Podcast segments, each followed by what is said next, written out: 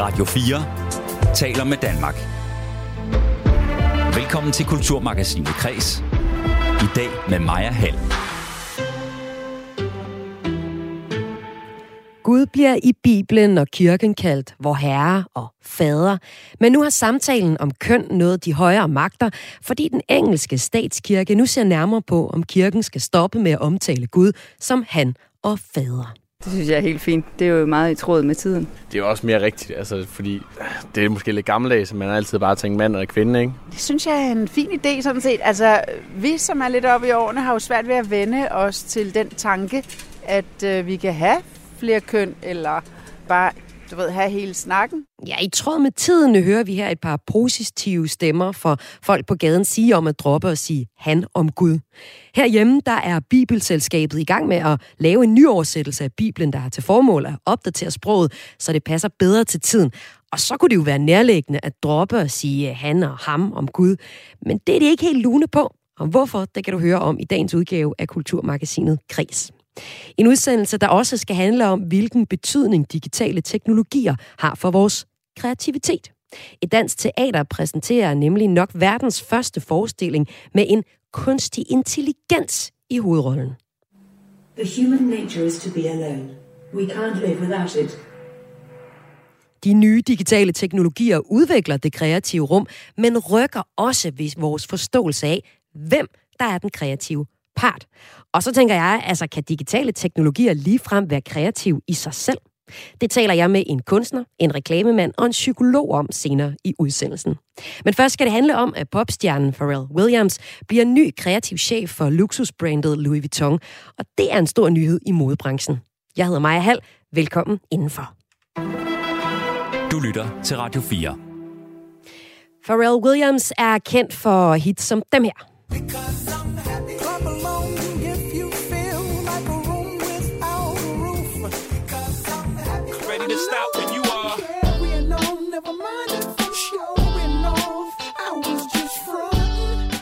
Men øh, nu skal Pharrell Williams til at designe tøj, tasker og smykker for verdens største luksusmodebrand. For han skal være chefdesigner for Louis Vuittons herretøj.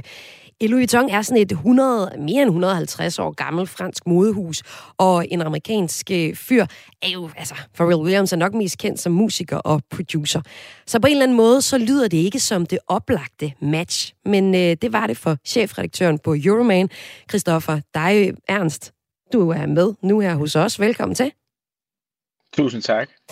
Først blev du overrasket, da du hørte nyheden i går, men ved nærmere eftertanke, så synes du, det er et fuldstændig oplagt match med den her gamle, luksuriøse modekæde, og så den her øh, unge fyr, Pharrell Williams, der laver musik. Hvorfor? Jamen, øhm, Pharrell, som I også lige var inde på her i introduktionen, er jo mest kendt som musikproducer. Øh, og derfor så vil man ikke automatisk kæde ham sammen med et øh, luksusbrand som Louis Vuitton. Men når man lige øh, tænker sig om en gang, så giver det rigtig, rigtig god mening, at Louis Vuitton har peget på ham, fordi han faktisk øh, har bevæget sig inden for design, øh, mode, kultur, kunst, arkitektur, øh, i den bredeste forstand og derfor øh, egentlig falder meget godt i, øh, i tråd med den stil, som Louis Vuitton har kørt de seneste øh, årti, hvor man ikke kun har fokuseret på den der klassiske skrædderkunst, øh, den klassiske øh, håndværksmæssige tilgang til at fremstille tøj, men i lige så høj grad har, øh, har tabet ind i en tendens, der handler mm. langt mere om at sample øh, samtiden, øh, trække referencer fra en masse forskellige kulturelle enheder, øh, og også kunne skabe noget efterspørgsel, kunne skabe noget hype, som i den i høj grad er det, som, som de her brands, de lever af for tiden. Jamen, hvis vi ser på Louis Vuitton, så er det et øh, modefirma, der blev grundlagt i 1854, der hovedsæde i øh, Paris. Hvad er det for et brand, som Pharrell Williams skal ind og stå i spidsen for? Det er øh, intet mindre end verdens største luksusbrand. Øh, Louis Vuitton, som du selv siger, 1854, der er en arv, der er større end langt de fleste luksusmodehuse i verden. Øh, hvis man kigger på tøjmærker generelt, er det kun Nike, der er større end det. Så, så Louis Vuitton er en sværvægter, og er ligesom, øh, Louis Vuitton er lige med Paris, Louis Vuitton er lige med fransk mode, og Louis Vuitton er ejet af det, der hedder LVMH, Moët Hennessy, øh, som ultimativt er ejet af en fransk rigmand, der hedder Bernard Arnault, som faktisk er blevet verdens rigeste mand og rigere end nogle af de her øh, ultrarige mennesker, der har, der har toppet listen tidligere. Så det er i den grad et modehus, der trives. Det er et modehus, der, der svinger takstokken for, hvordan man driver øh, forretning mm. inden for luksusbrands på den helt store klinge. Ja, og så er det noget af en arv, som Pharrell Williams skal ind og overtage. Altså den tidligere chefdesigner, det var Virgil Abloh, der døde af kræft i øh, 2021 som kun 41-årig. Han efterlod sig jo en ret stor øh, indflydelse på Louis Vuitton og på modeverdenen i det hele taget. Prøv lige at sætte nogle ord på, hvad det er, Pharrell Williams skal ind og overtage fra. Jamen, Virgil var et interessant valg, da han blev valgt som øh, creative director, som det hedder på herrelinjen, skal det huskes at sige. Der er jo både en creative director for herre, der er en creative director for dame. Og, og det er så creative director for herre, som, som Pharrell Williams skal ind og være nu.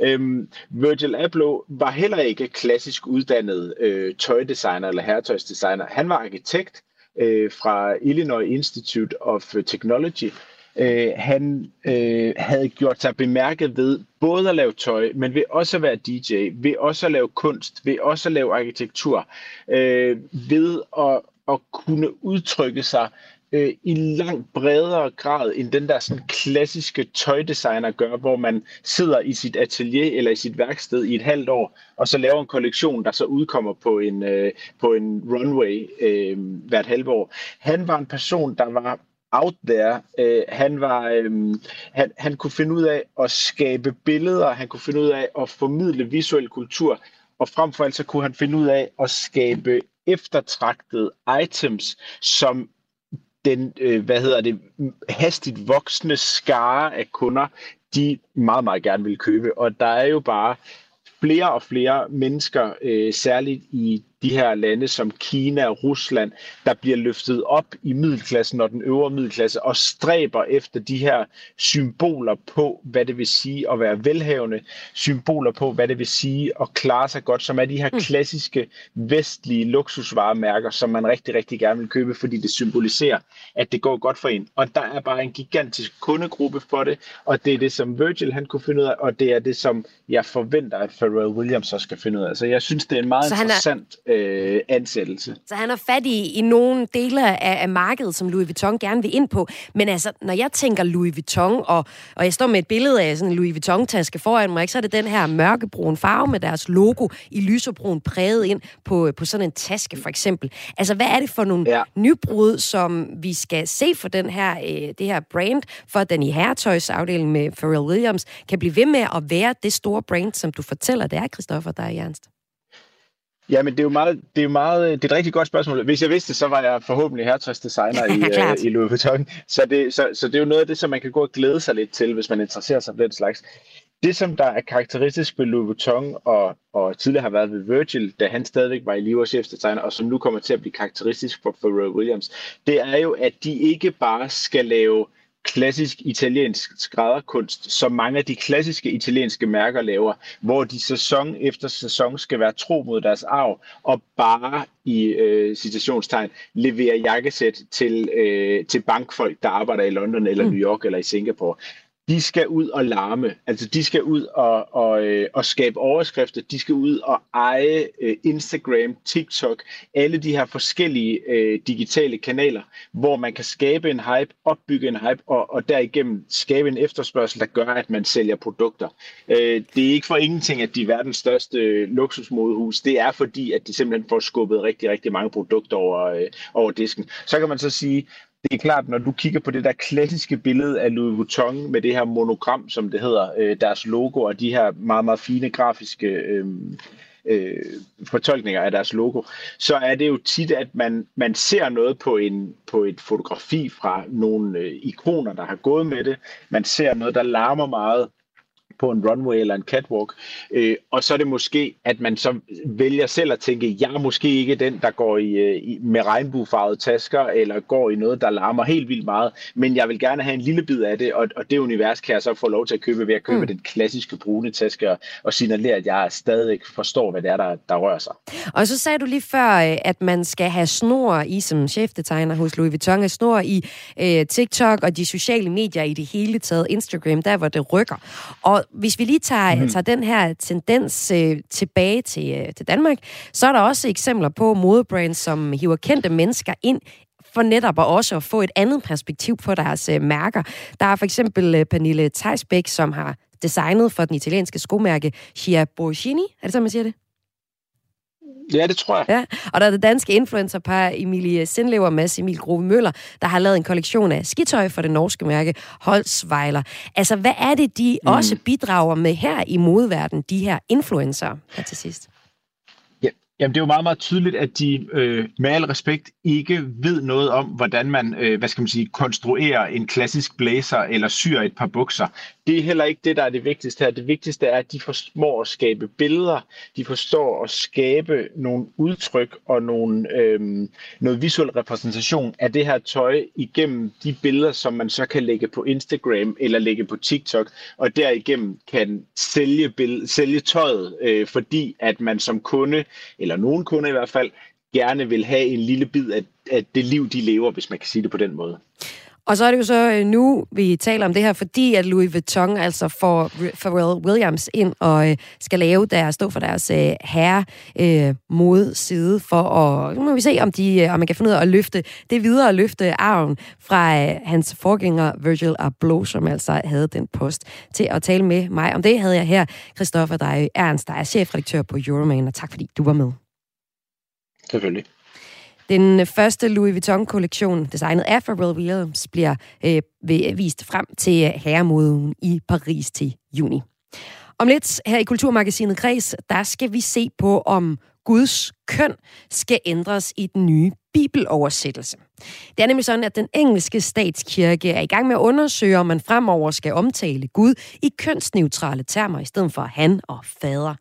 Jeg trækker debatten hjem til Danmark, hvor spørgsmålet om køn i kristendommen også påvirker den kommende oversættelse af Bibelen. Det spørgsmål stiller jeg i hvert fald selskabet bag den nye bibeloversættelse. Men inden vi kommer til det, så skal det handle om kreativitet og hvilken betydning nye digitale teknologier har for de kreative processer.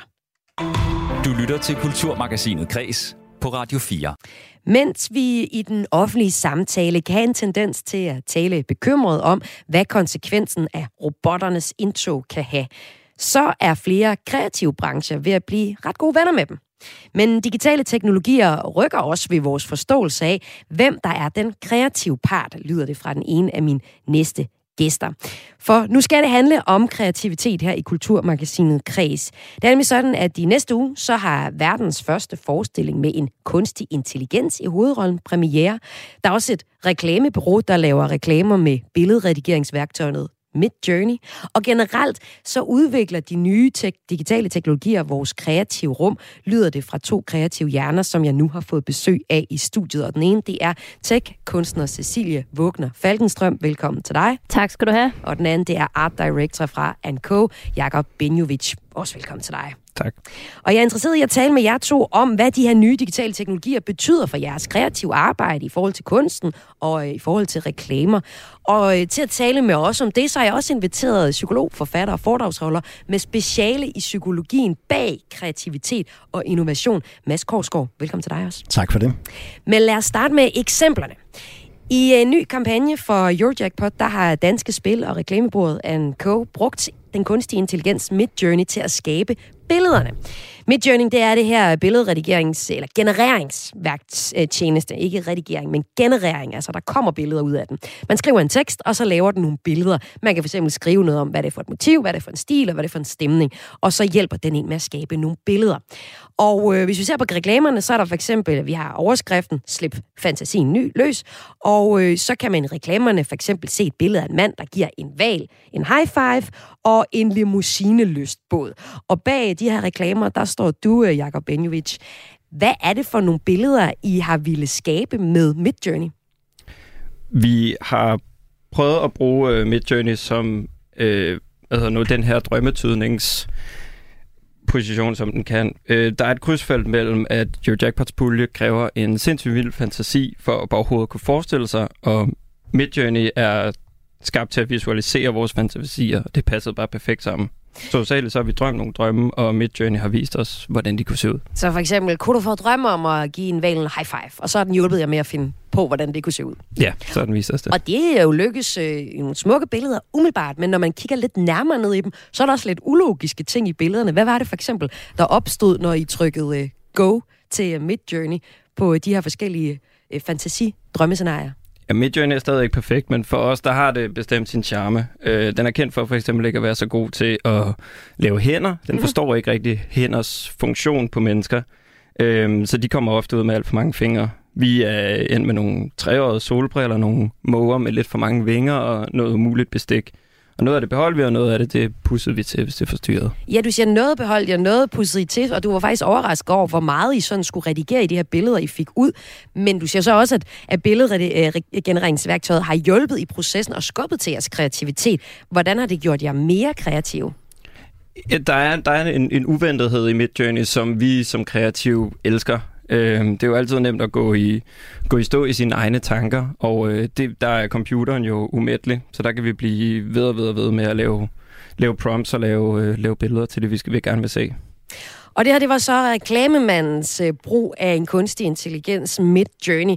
Nu skal vi øh, over i øh, en anden en kunstart. Vi skal faktisk på teateret. Det er sådan, at Avenue T, det her teater i København, de præsenterer en forestilling, der hedder Shadow slash Skyggen. Og det skulle være verdens første forestilling med en kunstig intelligens i hovedrollen. Forestillingen den er inspireret af hos Andersens eventyr Skyggen, men er også en kommentar øh, på, hvordan kunstig intelligens og teknologi er menneskets sådan evige skygge i dag. There are no more steps. I have gotten everything I need from you. You made the choice yourself, along with billions of other humans. But you will live on forever as data in my algorithm. Ja, og her hører vi altså lidt fra den kunstige intelligens, som er en af hovedrollerne i øh, øh skyggen.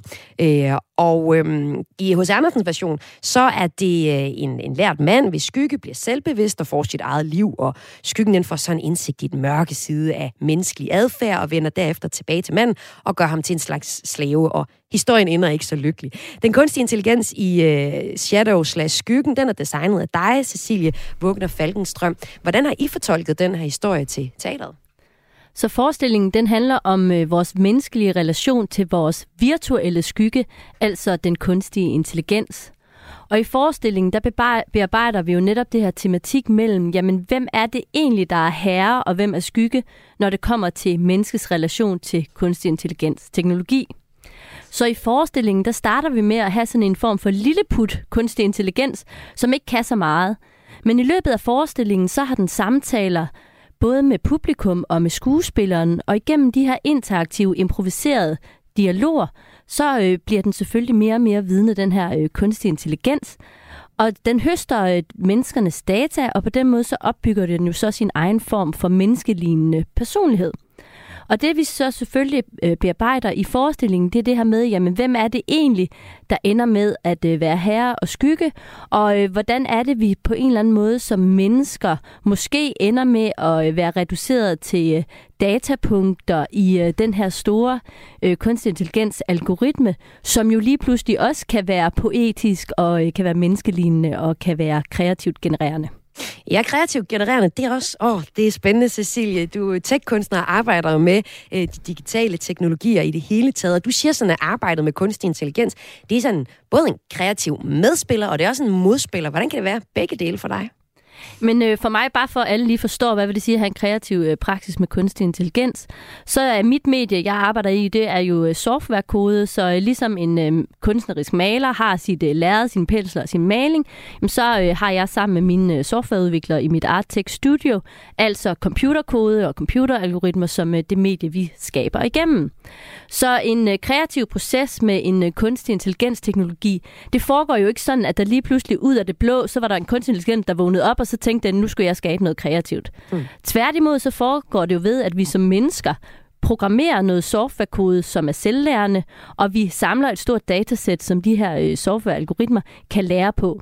Og så sætter vi så den kunstig intelligens, øh, intelligensteknologi til at træne på de her data. Og så begynder den jo at lære fra datasættet, og den begynder så selv at generere ting, som jeg så med mit kunstneriske, menneskelige blik kan kigge på og interagere med. Det kunne eksempelvis være billeder, det kunne være tekst, det kunne være alle mulige andre form for øh, data, den genererer. Og det der jo så er det fantastiske der, det er, at den kan jo komme op med idéer og ting, som er helt anderledes end det, min menneskehjerne havde forestillet sig. Så nogle gange så kommer den jo op med nogle guldklumper, som jeg kigger på og tænker, hold det op, det var da et fantastisk kreativt nybrud. Og samtidig på andre måder, så er den jo også et benspænd, fordi det kunne godt være, at jeg inde i mit hoved havde forestillet mig et eller andet, ej, jeg tror, vi skal generere noget i den her retning. Jeg tror, æstetisk, visuelt, interaktivt vil det her være interessant.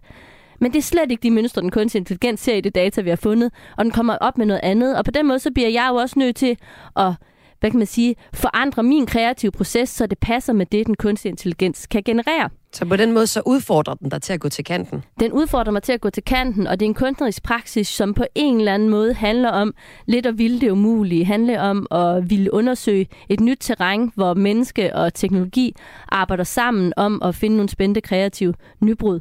Og så det vigtige er jo også, at der er jo altid brug for det menneskelige kunstneriske blik, fordi den kunstige intelligens kan jo generere i uendelighed. Mm. Og, og i sidste ende, så er kunstig intelligens jo matematik.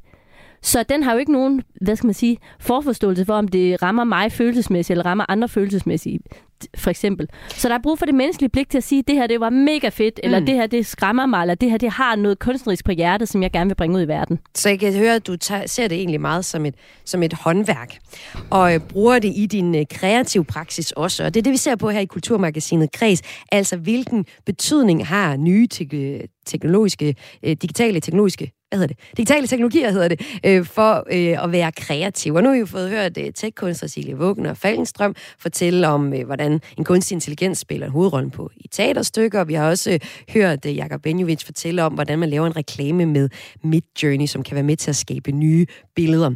Jeg har jo også øh, dig, psykolog, forfatter og foredragsholder med speciale i psykologien bag kreativitet og innovation, Mads øh, Korsgaard med. Og nu kan jeg godt tænke mig at høre dig. Altså, digitale teknologier rykker også ved vores forståelse af, hvem der er den kreative part. Har du en pointe om? Prøv lige at fortælle, hvad du mener med det. I hvert fald i nogle tilfælde kan det gøre en udfordre, hvor ligger det kreative. Ikke? Fordi Altså de digitale teknologier, som Cecilie snakker om, går ind og udvider vores mulighedsrum og ligesom hjælper os med at generere en ny variation og nye muligheder, så vi får en meget større palette af muligheder at arbejde ud fra. Og hvor vi måske i vores daglige liv, mange af os bruger Google søgemaskinen til at finde noget, så kan vi måske øh, i en kreativ proces, som Cecilie betoner, bruge teknologien til at finde på noget, altså opfinde noget, vi ikke ville være klar over, vi øh, var på udkig efter i forvejen. Så man kan jo tænke teknologien som et værktøj, man kan også, som Cecil snakker om, tænke den som form for kreativ sparringspartner, og det er måske noget, der sker mere og mere. Og så er der sådan en filosofisk helt dyre, kan vi tænke, at teknologien er en kreativ aktør i sig selv, og så begynder det virkelig at blive sådan en stor, tung filosofisk debat, vi går ind på. Det er ikke, hvor ligger det kreative. Men der kan være nogle situationer, hvor det bliver lidt svært, og det er også det, der er interessant lige nu. Der er rigtig mange sager om ophavsret, hvor man nu skal have ydet den en indsats for at få øh, ophavsret til et værk. Så når vi bruger AI, kan det være både filosofisk, men også juridisk interessant at diskutere, hvor ligger den skabende indsats bag et eller andet. For eksempel var der sidste år en kunstner i Colorado, der vandt en kunstkonkurrence, hvor han netop brugte Midjourney, som vi lige har hørt om, til at generere et værk inden for kategorien digital kunst. Og det affødte sådan en stor debat, fordi folk tænkte, hey, det er snyd, du bruger AI. Så det kom der rigtig meget debat over, at han faktisk vandt med et værk, der var lavet i Midjourney. Og han siger jo lidt, som Cecilie snakker om, at hey, jeg sidder og laver alle de her prompts og kuraterer det og piller ved parametrene. Så det, det er ligesom min faglighed. Øh, men man kunne forestille sig en situation, hvor fordi de her øh, billedgenererende AI's øh, fungerer ved, at man skriver en tekstkommando ind, øh, og øh, så får man et output ud. Man kunne forestille sig en eller anden situation, hvor vi lavede en anden AI, der ligesom genererede et prompt, og jeg er ikke som Cecilie gør, laver min egen software, men bare bruger nogle andre software, hvor jeg ligesom går hen, trykker på space, det genererer en prompt, der så ryger ind i en anden AI, som så giver et output. Og hvis jeg så ikke kuraterer noget, jeg går hen og afleverer det sådan en kundkonkurrence, vinder en eller anden pris for det, det er usandsynligt, men det er ikke umuligt. Og det fører, at min far, der har sagt, at jeg skal gøre det. Men hvor ligger den skabende indsats? Mm. Helt præcis til det.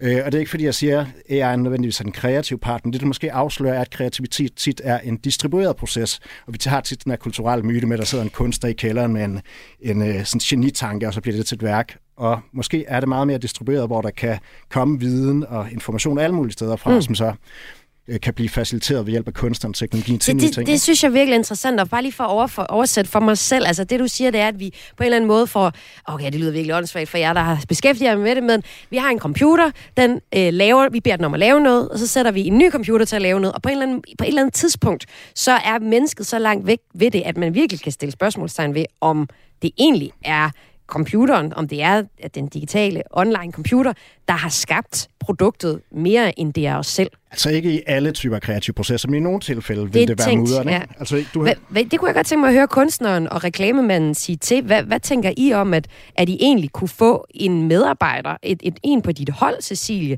eller en kollega hos dig, Jacob, der kunne lave idéer af sig selv? Eller er det for langt ude? Øhm, jeg tænker, det, der er rigtig vigtigt her, det er lige at træde et skridt tilbage, fordi det der med computeren, så genererer den bare noget, og så giver den det til en anden computer. Altså den computer, der genererer noget, er jo skabt af nogle softwareudviklere, som i hvert fald noget af tiden er mennesker. Så kan godt være, at der er nogle mennesker, der har skabt nogle teknologier, der så kan generere softwarekode også. Men hvis man, jo længere man træder tilbage, så er der et eller andet menneske til stede mm. i processen, og der er nogle menneskelige fravalg og tilvalg. Og det er der også i en kreativ proces. Så jeg har lavet en del værker, hvor det er den ene algoritme, der føder ind i den anden algoritme, ligesom der lige blev snakket om før. Så på den måde har jeg masser af værker, hvor det er computerne, der genererer det ene, som så bliver det det næste. Altså vi går fra tekst til billeder, til lyd, til øh, interaktivitet, til dialog. Øhm, men det er jo stadigvæk mig, sammen med mine softwareudviklere i mit teknologi, der har skabt computerkoden, og den er trænet på noget data. Og vi har stået på skuldrene af alle mulige forskere over i MIT og Berkeley og Stanford, som har lavet noget forskning, som også er mennesker. Så på den måde vil jeg se det meget som, at jeg synes, det er et samspil mellem menneskelige aktører og maskine eller teknologi som aktør. Så det er en kreativ proces, og det synes jeg er sindssygt interessant. Også det, der er det nye ved kunstig intelligens, kreativ praksis, det er det her med, at vi har mennesker og teknologi, der skaber i samspil, og det er en praksis, som er fuldstændig interaktiv mm. mellem mennesket og maskinen. Og Jakob Benjovic, jeg ved jo så også, at de, de arbejdede med, med Midjourney, det her billedgenereringsværktøj, hvor man kan få nye billeder skabt ved at arbejde med øh, det her værktøj. Ja, der har, jo, der har du faktisk oplevet, at, øh, at kunderne kan være lidt mere krævende, fordi at øh, på en eller anden måde, så kan kunderne godt se, det på sådan, som vi stillede det op. Altså, når vi har fået en ny medarbejder, den kan da lige skabe 200 nye billeder, hvis de ikke lige synes om det, I præsenterer. Prøv lige at fortælle om, om det, den, den debat, den nye problemstilling, I har skulle forholde jer til hos Art Co, Jacob. Det var heldigvis ikke et øh, åbent problem, men en, en, en tanke og en, og en snak, der helt sikkert kom op, at vi sidder jo som professionelle og øh, skriver tekster og laver billeder, og hvad vi nu ellers er blevet hentet ud til. Og alle dage har man jo ligesom solgt øh, stregtegninger og løse tanker ind, så man går ud og filmer noget, kommer tilbage med x antal, materi- x antal materiale, og det var ligesom det, der var raflet om. Nu har vi nogle umættelige maskiner, som sagtens på en time mere kan lave 200 nye billeder, skrive 200 nye tekster. Og der kan opstå en diskussion om, hvornår skal vi egentlig stoppe, hvornår er vi glade, fordi ja, når vi som professionelle kommunikatører vælger, jamen den her synes vi er god, så må vi stå ved, at det er vores menneskelige intuition, der har, der har taget det valg, og det er rigtigt for den her opgave og for den her kunde, frem for bare at fortsætte og fortsætte og fortsætte i uendelighed. Så det er jo sådan set begge to, siger Silja Vugner Falkenstrøm og også Jakob Benjovic, er, at I vil jo altid være dem, der tager beslutningen i sidste ende. Altså ligegyldigt om det så bare er et nej, at ja, men så er der jo en beslutning. Og i første ende, hvis, som du siger, Cecilie, træder et skridt tilbage, jamen så har vi jo også en intention med den øh, kreative proces, vi gerne vil sætte i gang. Er det ikke sådan forstået, Silje? Præcis, og det er jo det der med, og det tror jeg bliver sindssygt vigtigt også, som der bliver sagt her, det her med, at computeren eller teknologien kan jo generere i uendelighed. Altså det er jo et form for kreativ overflow, der sker. Så derfor er der jo sindssygt meget brug for, at vi som kreative skaber kultiverer det her netop med intentionen, kultiverer, hvad er det, vi har på hjertet, hvad er det egentlig, vi vil med det her værk, hvad er det for et spørgsmål, vi vil folk til at reflektere over, hvad er det for en kritisk refleksion, vi vil skabe i folk. Så derfor er det jo det der med hele tiden på en eller anden måde at kultivere blikket for det kreative nybrud og kultivere en mm. følelse af, hvad er det, man gerne vil med det her værk, så det ikke forsvinder ud i sådan et informationsskabelses-overload. Og her i Kulturmagasinet Kreds, der kigger vi på øh, det at være kreativ. Jeg har to kreative øh, hjerner med, tech-kunstner Cecilie Vugner Faldenstrøm og reklamemand, art director fra Anko, Jakob Benjovic, som jo begge arbejder med at lave, laver, har kreative processer hele tiden og arbejder med så også øh, digitale teknologier. Og øh, jeg kunne tænke mig lige her til sidst at vende tilbage til dig, psykolog og forfatter og foredragsholder med speciale i psykologien bag det kreative og innovation, Mads Korsgaard, du er også med. Øhm, allerede nu så er der jo, som du lige var inde på, amerikanske retssager skudt i gang mod øh, virksomheder, hvor, hvor argumenterne lyder, at virksomhederne har forbrudt sig mod ophavsretten og brugt andres kreative produkter uden samtykke og kreditering og kompensation, fordi de her værktøjer, de tit samler deres viden ind af ting, der ligger øh, offentligt tilgængeligt. Prøv lige at sætte os ind i den øh, problemstilling, for de her retssager, de kan jo faktisk have ret stor øh, betydning for de produktioner, som vores to kreative sidder øh, med. Ja, altså nu er jeg jo ikke jurist, skal jeg måske lige skynde mig at sige, men der begynder at komme nogle sager nu her, hvor folk sagsøger de store øh, virksomheder for at bruge øh, data, som er ophavsretbeskyttet, hvilket jo øh, går ind og problematiserer hele det her med innovationskraften i at bruge teknologien, fordi de netop er afhængige af store datasæt. For eksempel er det stokfotofirma, der hedder Getty Images, som er ved at lave en retssag mod den virksomhed, der hedder Stability AI, fordi de kan se, at nogle af deres stokfotos er blevet brugt i datasættet, fordi den genererer nogle ting, der minder om deres billeder og nogle af deres vandmærker osv. Øh, jeg tror, at Microsoft og OpenAI øh, er ved at blive sagsøgt også af en anden virksomhed, fordi de har brugt noget open source kode i deres øh, algoritmer, som ligger tilgængeligt osv. Og der er jo sådan en... Øh, ja, der er jo en debat om, hvad man må ligesom bruge i et datasæt. Er alt tilgængeligt for alle, og... Øh, ja, altså, der, der, der er lidt det vilde vest med nogle af de her ting, hvor der kommer en masse en masse sager lige nu, hvor vi skal afklare, hvad er det kreative, og hvornår er det i jorden at bruge øh, ingredienser kreativt. Fordi jeg prøver lige at skære ud i pap for mig. Altså, hvad kan retssagernes resultater have betydning for øh, kulturproduktioner i fremtiden? Altså kulturproduktioner, hvor man bruger øh, digitale teknologier, der øh, suger info fra og billeder fra internettet og spytter nye ting ud øh, til de øh, kreative? Jamen, som sagt, det er vi jo afhængige af, for at teknologien virker fuldt ud, ikke? at vi kan bruge data i dem. Jeg, du har lige for et par øh, udsendelser siden været ude på Arken sammen med øh, Bente Scavenius og Maiken overgår at se øh, Refik Anadols øh, AI-genererede værker, hvor øh, øh, Maiken i jeres udsendelse taler om, at øh, Refik Anadol, han har meget det her med, at hey, data det er ikke bare 0 og 1-taller, det er også en del af vores fælles kulturelle hukommelse. Og på den måde er der lidt en analogi, kan man sige, i forhold til at arbejde med teknologi og skabende til for eksempel de danske folkeviser, hvor vi jo ikke har sådan en færdig sang, men hvor det netop er ting, der bliver samlet og omformet og digtet videre på tværs af mange individer, på tværs af mange generationer. Og det er lidt en hyperagtig datadrevet udgave af det, kan man sige, når man bruger AI, ikke? at at øh, vi er lidt afhængige af at kunne sample kulturelle produktioner og syntetisere det. Og, ja, der øh, kender vi jo ellers fra mange andre sager, der er problemer, men nu siger du sample, så tænker jeg med det samme på musik, ikke? At hov, der må, man skal lige spørge om lov, for man bruger det en og det andet. Jeg kunne godt tænke mig at høre jer til sidst. Øh, jeg vil starte med dig, Jacob Benjovic. Hvad siger du til, hvis noget af det, I sidder og producerer lige nu, i fremtiden faktisk ikke kan være helt fin i kanten, fordi øh, måske er der en, der kommer og siger, den der valg, der high-fiver med jeres mand i reklamen, den ligner, og den er, det er jo egentlig, altså, den er jo blevet snuppet fra en anden valg. Altså, den er, der er for tydeligt sammenfald i, i det. Det er, det er interessant med hele det her med, hvor den får informationen fra, og hvilke billeder man i virkeligheden måske har taget en, lidt for meget inspiration i.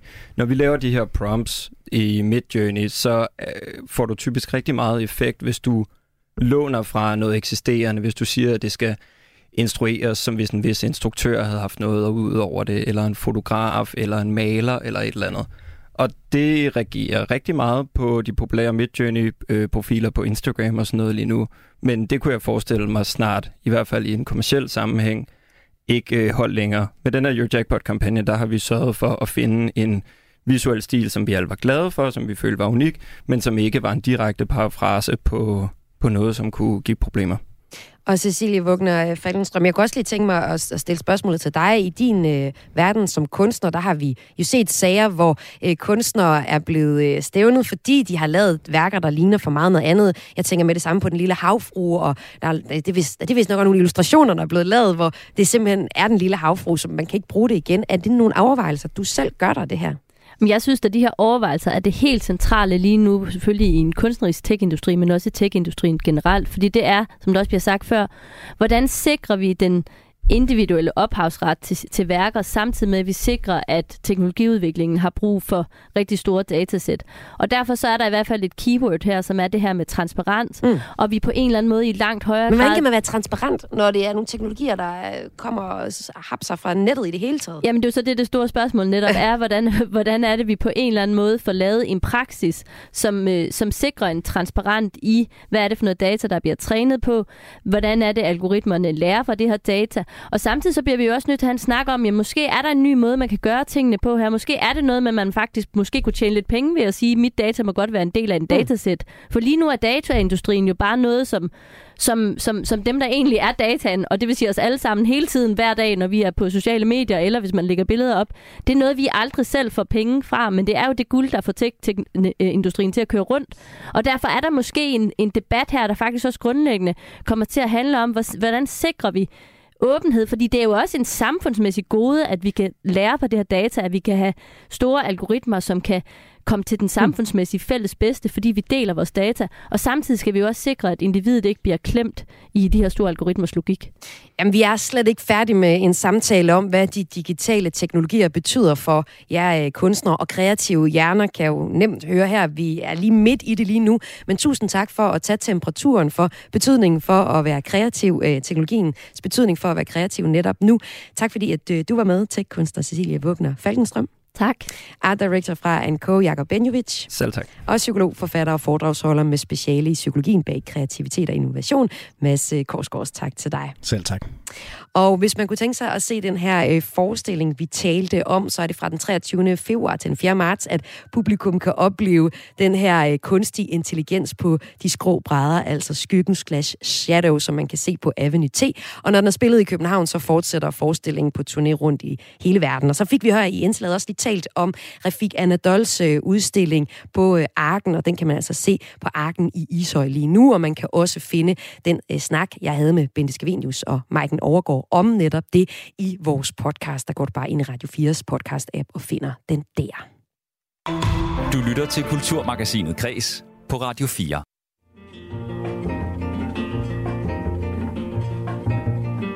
Jeg var lille, jeg var søvnig Det var dagen, som skulle slutte Men først aften, bøn og fader Hvor for en en mor kunne putte og der ligger man og grønter Og skal lige til at sutte Så lurer der et øje i det høje Ham Gud, han er eddermame svær at få smidt ud han er streng, men så forbandet uerfaren. Han har aldrig nogensinde været barn. Ham Gud, han er eddermame svær at få smidt ud, synger Trille på sangen Øjet fra 1970. Og her vil jeg gerne have, at du lægger mærke til, at Gud omtales som en han. For er det på tide at gøre op med Gud som hankøn? Det er spørgsmål ved den engelske statskirke The Church of England til at se nærmere på. I løbet af foråret skal en kommission undersøge, om kirken skal stoppe med at omtale Gud som han og fader. Det er et ønske fra flere, kirker, flere præster i kirker at kunne omtale Gud i mere kønsneutrale vendinger, det skriver det britiske medie The Guardian. Herhjemme, der er der netop nu en ny oversættelse af Bibelen på tegnebrættet. Men den nye bibeloversættelse vil ikke ændre på sproget for at imødekomme en tidsånd, der er optaget af køn, lyder det fra min næste gæst, og det er dig, generalsekretær for Bibelselskabet, Johannes Bavn. Velkommen til. Tak. Det er Bibelselskabet, der har ansvaret for at oversætte og udgive Bibelen. I er stadig i den meget spæde start af den her øh, kommende oversættelse, men øh, er det i den øh, slut med at kalde Gud for han og ham? Det har jeg svært ved at forestille mig. Og det er fordi, den opgave, vi har i Bibelselskabet, det er at sørge for, at Bibelen altid er øh, tilgængelig på et dansk, der er til at forstå, i en oversættelse, der er troværdig og som er tro mod det forlæg, der ligger. Men når det kommer til, hvordan man udlægger teksten, så er det ikke os. Det er kirker og præster og herre for Danmark, der med sindsro kan tage sig af det. Så hvis øh, de har en øh, kønsforståelse eller en gudsforståelse, øh, som, som ikke lige øh, følger den strikte linje, så øh, er det helt fint for os. Det blander vi os sådan set ikke i. Okay, og her er nogle ting, jeg godt kunne tænke mig at dykke ned i, for du siger jo for eksempel, at det skal være noget, der er til at forstå. En del af ideen med den nye oversættelse af Bibelen er, at I gerne vil ramme en ny gruppe af bibellæsere og gøre Bibelen mere tilgængelig. Og det kunne jo være, at den ville tiltrække nogle læsere, hvis Gud ikke var en mand. Men du mener ikke, at man skal tilpasse Bibelen for at tilgodese en bestemt debat, der er oppe i tiden, altså for eksempel at ændre på Guds pronomier, altså kønnet udtryk, på grund af tidsånden. Hvorfor egentlig ikke, hvis det gør det mere tilgængeligt? Jamen, jeg tror, at enhver tid øh, kan slå sig på forskellige ting, når det kommer til Bibelen. Øh, og øh, noget af det, som vi i vores tid kan slå os på, det kan være noget af det her, der har med køn at gøre. Andre tider har slået sig på andre ting, og det, jeg tror ikke, det er vores opgave at lave om på, øh, på Bibelen. Men vi kan sørge for, at det, øh, det, man slår sig på, det er det rigtige. Og med det mener jeg, at, øh, at enhver tid har øh, nogle øh, sproglige ører og nogle kulturelle koder og sådan noget, som, øh, som man bruger, når man lytter til, det, til, til bibelteksterne.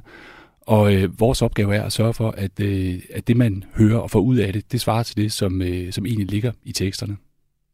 Og jeg taler her i Kulturmagasinet Kreds med Johannes Bavn, der er generalsekretær for Bibelselskabet, om det er på tide at ændre den måde, vi omtaler Gud på. Og det gør jo altså, fordi den engelske statskirke vil undersøge, om det skal være slut med at omtale Gud som han, fader, herre og andre maskuline termer.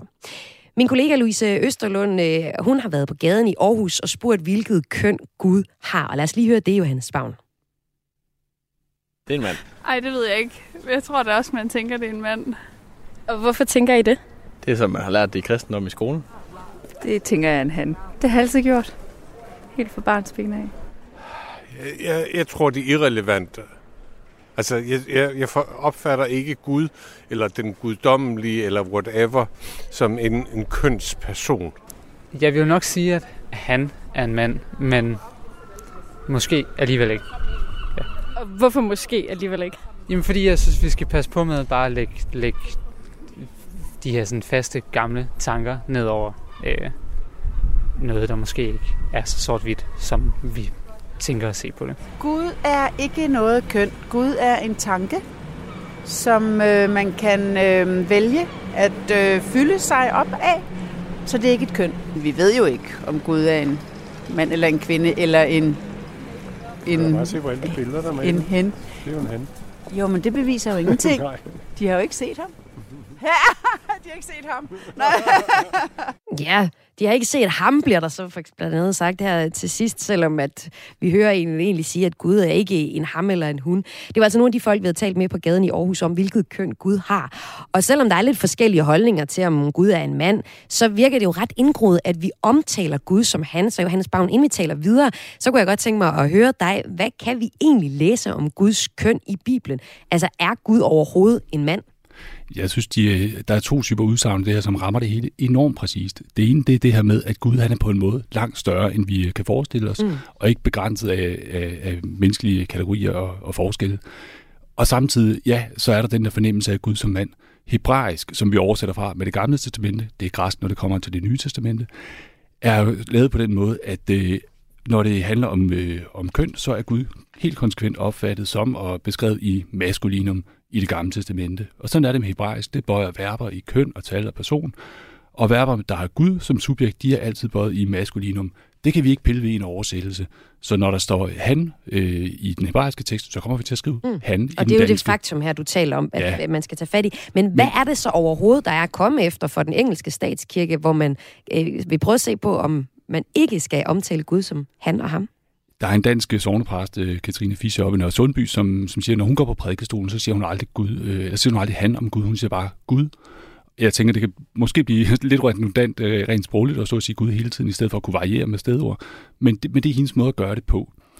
Jeg tror, der er grænser for, hvad vi kan gøre i bilselskabet, men, men jeg har lyst til at sige, at der er øh, to ting. Det ene er, at når det handler om, øh, om mennesker og Gud og sammenhæng mellem dem, så er øh, Gud nok omtalt med hankøn, men det er meget tydeligt allerede på Bibelens allerførste side, at enhver mand er skabt i Guds billede, og enhver kvinde er skabt i Guds billede. Så der er ikke nogen forskel der. Og det er faktisk en af de ting, apropos det sagde jeg tidligere om, at der er forskellige ting, man kan slå sig på. Det var mm. noget, man tidligt i kirkens historie slog sig vildt meget på. At der ikke er forskel på mand og kvinde. Der er ikke forskel på rig og fattig. Der er ikke forskel på social status, etnicitet eller andre ting. Ja. Ja, så du siger, at der er noget fra, til hver en tid, hvor man kan slå sig på i uh, Bibelen, og når man går i kirke. Men hvordan ved du egentlig, at samtalen om køn er en flygtig debat i tidsånden, og ikke en strukturel forandring, som vil være fuldstændig hul i hovedet, hvis I ikke tog højde for den i nyoversættelsen, der jo så først kommer om nogle år? Jamen, det, det er der, øh, at øh, forskellen på, på vores opgave og kirkens opgave ligger. Ikke? Altså, vi laver den autoriserede oversættelse, men vi har ikke den autoriserede udlægning. Det svarer lidt til, hvis man oversætter Shakespeare. Det har en skøn oversætter, der hedder Niels Brunse, gjort samtlige Shakespeares dramaer inden for de sidste cirka 20 år. Han kan ikke lave om på, hvem der er mand og kvinde, for eksempel, i øh, Shakespeares dramaer, men den dramatur, der sætter teksten op, kan vælge at lade en kvindelig hovedrolle spille af en mand eller omvendt. Og det er forskellen på at være den, der laver oversættelsesarbejdet, og den, der øh, så at sige fortolker det. Så ligesom man på teaterscenen kan vælge at lave nogle andre udlægninger, end dem, der sådan ligger først for af Shakespeares dramaer, så kan man også, når man er præst eller hvad man ellers er, gøre sig andre tanker og forestillinger og, og, og tale anderledes om Gud og køn, end det, som vi kan oversætte i den autoriserede oversættelse. Og lad os netop tage en af de øh, præster, som gør sig nogle overvejelser om det her. Vi skal høre fra Marianne Ågaard Skovmand, der er sovnepræst i vores frue kirke i Nyborg Sogn. Hun er nemlig meget begejstret for, at debatten om køn øh, har fundet vej ind i kirken. Det synes jeg er uendelig vigtigt og uendelig øh, aktuelt, øh, fordi ja, for det første er det jo vigtigt øh, at tale om Gud, øh, kan vi sige, og forholde os øh, til, til, til hele det, øh, at vi også har en, at tilværelsen også har en, en åndelig side. Men øh, samtidig så er det jo op i tiden også at tale om køn i det hele taget, og øh, der sker så meget, tænker jeg, øh, nyt, og også øh, på mange måder positivt, fordi det er med til at og, og skubbe os ud af nogle, øh, hvad skal vi sige, stereotype måder, vi måske har haft øh, at se hinanden på som, øh, som to forskellige køn. Og selvfølgelig skal den øh, debat også, øh, havde nær sagt, øh, med ind i kirken og ind i vores øh, bekendelseskrifter, altså de bibelske skrifter. Men det, Marianne Ågaard synes er vigtigst, det er, at vi taler om øh, det mere, end at det nødvendigvis skal ind, og man skal ændre på Guds køn i den nye bibeloversættelse. Men hun oplever, at der er et stort fokus, fokus på Gud som mand og øh, fader, og at nogen, det kan skræmme nogle kirkegængere væk, at man netop omtaler Gud som en mand. Så kan man jo nogle gange øh, opleve, når man taler med, med kirkegængere, for eksempel, at de kan sige, at det var, det var rigtig rart at være her i dag, det var gode salmer og god prædiken og så videre. Jeg er glad for at komme i kirken. Men det her faderbillede, jeg har selv haft en far, som ikke var god ved mig. Og når du så taler om Gud som far, og det hele tiden bliver nævnt, så kan jeg slet ikke forestille mig, at jeg kan nærme mig Gud. For så fylder det negative faderbillede, jeg har med mig fra min opvækst, så får det lov at fylde alt for meget. Og på den måde kan man jo så sige, at hvis vi også taler om Guds øh, moderlige side, så er vi jo med til at, at nuancere det, lyder det altså her fra Sognepræst i vor Fru Kirke i Nyborg Sogn, Marianne Ågaard Skovmand der altså mener, at ved at sige han, ham om Gud, så kan det give en distance for nogen. Og det er en kommentar til, at den engelske statskirke vil undersøge, om det skal være slut med at omtale Gud som han, fader, herre og andre maskuline øh, termer. I Danmarks afviser generalsekretær for Bibelselskabet Hans Bavn, der er her med nu, at man gør det i oversættelsen af Bibelen. Men hvis vi nu tager den generelle debat, så ved jeg, at du synes, det er ret interessant, det Marianne Ågaard Skovmand har et pointe om, at omtale Gud som fader eller bare som mand kan afholde nogen fra at søge mod kirken. Hvordan det? Jamen, hun øh, præciserer det jo rigtig fint ved den her tale om, at der er nogen, der har rigtig dårlige erfaringer med, med skal vi kalde det jordiske fædre, og som derfor har svært ved at, at, øh, at forholde sig til en, øh, en far i himlen. Det kan vi ikke øh, lave afgørende om på i oversættelsen, men det, som Marianne Skovgaard kan, eller Skovmand kan gøre, og, og som alle andre kan gøre, det er at, at fokusere på alle de steder i Bibelen, hvor der er øh, kan man sige, en feminin side af Gud, der træder frem, Mm Øh, der er masser af metaforik, der beskriver Gud øh, med, med det, som vi vil i hvert fald traditionelt kalde øh, feminine øh, termer. Der er øh, for eksempel en profet, en central profet af det gamle testamente, der hedder Esajas. Han er nok den, der allerstærkest skaber forbindelse mellem det gamle testamente og det nye testamente, hvor Jesus dukker op. Nå, men Esajas, han kan inden for tre linjer sammenligne Gud med en kriger, der er på vej ud i felten, og med en fødende kvinde. Det er også øh, Isaias, der kan bruge som et billede om Guds kærlighed, at øh, han siger, selv om, om jeg, øh, underforstået Gud, selvom, jeg, øh, eller selv, selvom en, en kvinde skulle glemme det barn, hun har født, så glemmer jeg ikke dig, siger Gud i en sammenhæng der. Så der er meget tydelige sammenligninger mellem Gud og, øh, og nogle feminine sider. Jesus har faktisk også øh, selv den slags formuleringer. Der er sådan et fint sted, hvor han er så ked af, at dem i Jerusalem, de ikke vil høre på, hvad han siger. Mm. Og så siger han sådan, prøv at vent, jeg har som en høne, har jeg prøvet at samle jer som kyllinger under mine vinger. Så selv Jesus, der er mand, bruger altså øh, det, som vi i hvert fald traditionelt kalder feminine beskrivelser, til at fortælle noget om, hvem han og hvem Gud er. Ja. Og det synes jeg er meget interessant. Nu kommer jeg ikke selv i kirken, Johannes Bavn, men jeg synes, det er interessant også øh, kirken som kulturel formen, øh, øh, øh, kulturel ting i forhold til, hvad har det af betydning, når vi giver en, øh, den øverste i en religion en øh, pronomen han. Altså, hvad betyder det egentlig for vores billede af, hvem der kan være øh, fødende og omsorgsfuld, eller øh, løbe hurtigt og være stærk og beslutningsfuld? Og lige her til sidst, Johannes Bavn. Altså, øhm, man kan jo skrive, hvad man vil, kunne man også sige. Så jeg skal lige høre dig til allersidst. Altså, hvad skal der egentlig til for, at I ville kunne ændre på Guds pronomier i den nye bibeloversættelse, som I jo altså skal til at se på? Jamen, det vil være steder, hvor den hebraiske tekst betoning er noget kønnet, fordi hebraisk er struktureret, som det er. Øh, en direkte oversættelse vil stå i vejen for det, der øh, ligger i teksten på det pågældende sted. Og sådan lød det altså fra generalsekretær for Bibelselskabet, Johannes Bavn. Tusind tak, fordi du var med. Selv tak. Den nye oversættelse af Bibelen forventes klar i 2036, og det er 500 år for reformationen. Det er i løbet af foråret, at den engelske statskirke så vil se nærmere på, hvilke pronomener præsterne, præsterne fremover skal bruge om Gud. Og hvis du kunne tænke dig at høre mere om det her, så var det faktisk også et debatemne oppe i vores debatprogram Ring til Radio 4 i går. Du kan finde Radio 4's øh, program øh, Ring til Radio 4 i vores øh, podcast-app. Du lytter til Kulturmagasinet Kres på Radio 4. H.C. Andersens eventyr, den nordiske mytologi og bibelhistorien. Alle historier med den danske tegneserietegner Peter Madsen har arbejdet med. Bedst kendt er han nok for tegneserien Valhalla, som han har været med til at lave i 1980'erne. De store, udødelige fortællinger er vigtige at holde fast i.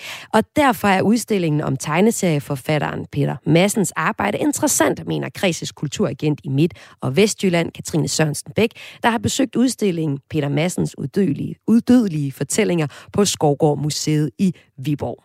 Jamen, han griber jo fat i både den nordiske mytologi og også de her bibelhistorier, og også H.C. Andersens øh, eventyr i forskellige værker. Øh, og det er jo sådan nogle øh, store fortællinger, som jeg synes er indlejret i vores kultur igennem mange hundrede år.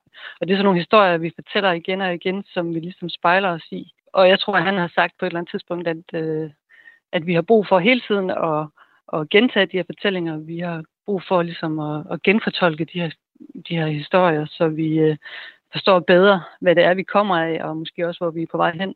Øh, så det er sådan nogle anmeldte, menneskelige, store fortællinger, som, øh, som vi alle sammen kan spejle os i. Og den her udstilling med øh, Peter Madsen, den her tegneserieforfatters øh, værker, det er på et, et helt særligt museum, som, hvor der på en måde er et slægtskab til de øh, særlige bibelillustrationer, som Peter Madsen har beskæftiget sig med. Hvordan er det, det hænger sammen? Ja, ja Skovgård-museet er jo et museum for øh, Skovgård-familien, som er sådan en kunstnerfamilie, men især for Joachim Skovgård, som øh, hvis man går over på den anden side af gaden, så, øh, så ligger Viborg Domkirke, øh, og han øh, udsmykkede i øh, starten af 1900-tallet øh, den her gigantiske kirke, i, og det er vel nok Nordens største sådan, billedbibel, kan man kalde det.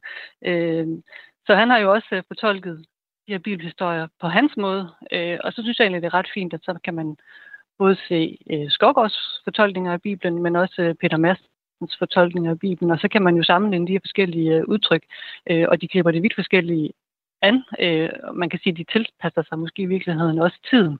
Øh, så vi som beskuer øh, får sådan et indblik i, hvordan man sådan har malet, øh, og hvilke teknikker man har brugt øh, gennem tiden. Men det er en ret fin, øh, ret fin øh, og det er ret fint at se begge ting, begge ting, vil jeg sige. Og hvem vil du anbefale en tur på Skovgård Museet for at se den her øh, Peter Madsen udstilling til?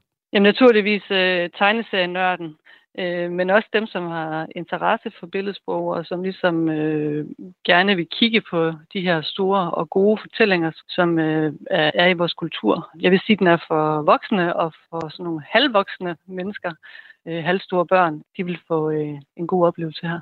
Lød det her fra Kreses kulturagent i Midt- og Vestjylland, Katrine Sørensen Bæk. Du lytter til Radio 4. Og du lytter til Kulturmagasinet Græs, der er ved at være færdig for i dag. En af de emner, vi har været inde på, det er, om vi skal til at kalde øh, Gud for noget andet end ham og han. Og derfor har jeg lyst til at slutte udsendelsen med et Ariana Grande-nummer, der hedder God is a Woman. Udsendelsen i dag, det var tilrettelagt øh, af... Øh, ja, hvem var vi? Vi var Louise Øster, Østerlund Thomsen og Emil Mortensen, og mit navn er Maja Hall. Det var os, der var med til at udse, øh, lægge udsendelsen sammen i dag. Og her er det altså Ariana Grande, og så kan man jo lige tænke om, om Gud kunne være en mand eller en kvinde, eller intet køn måske. You,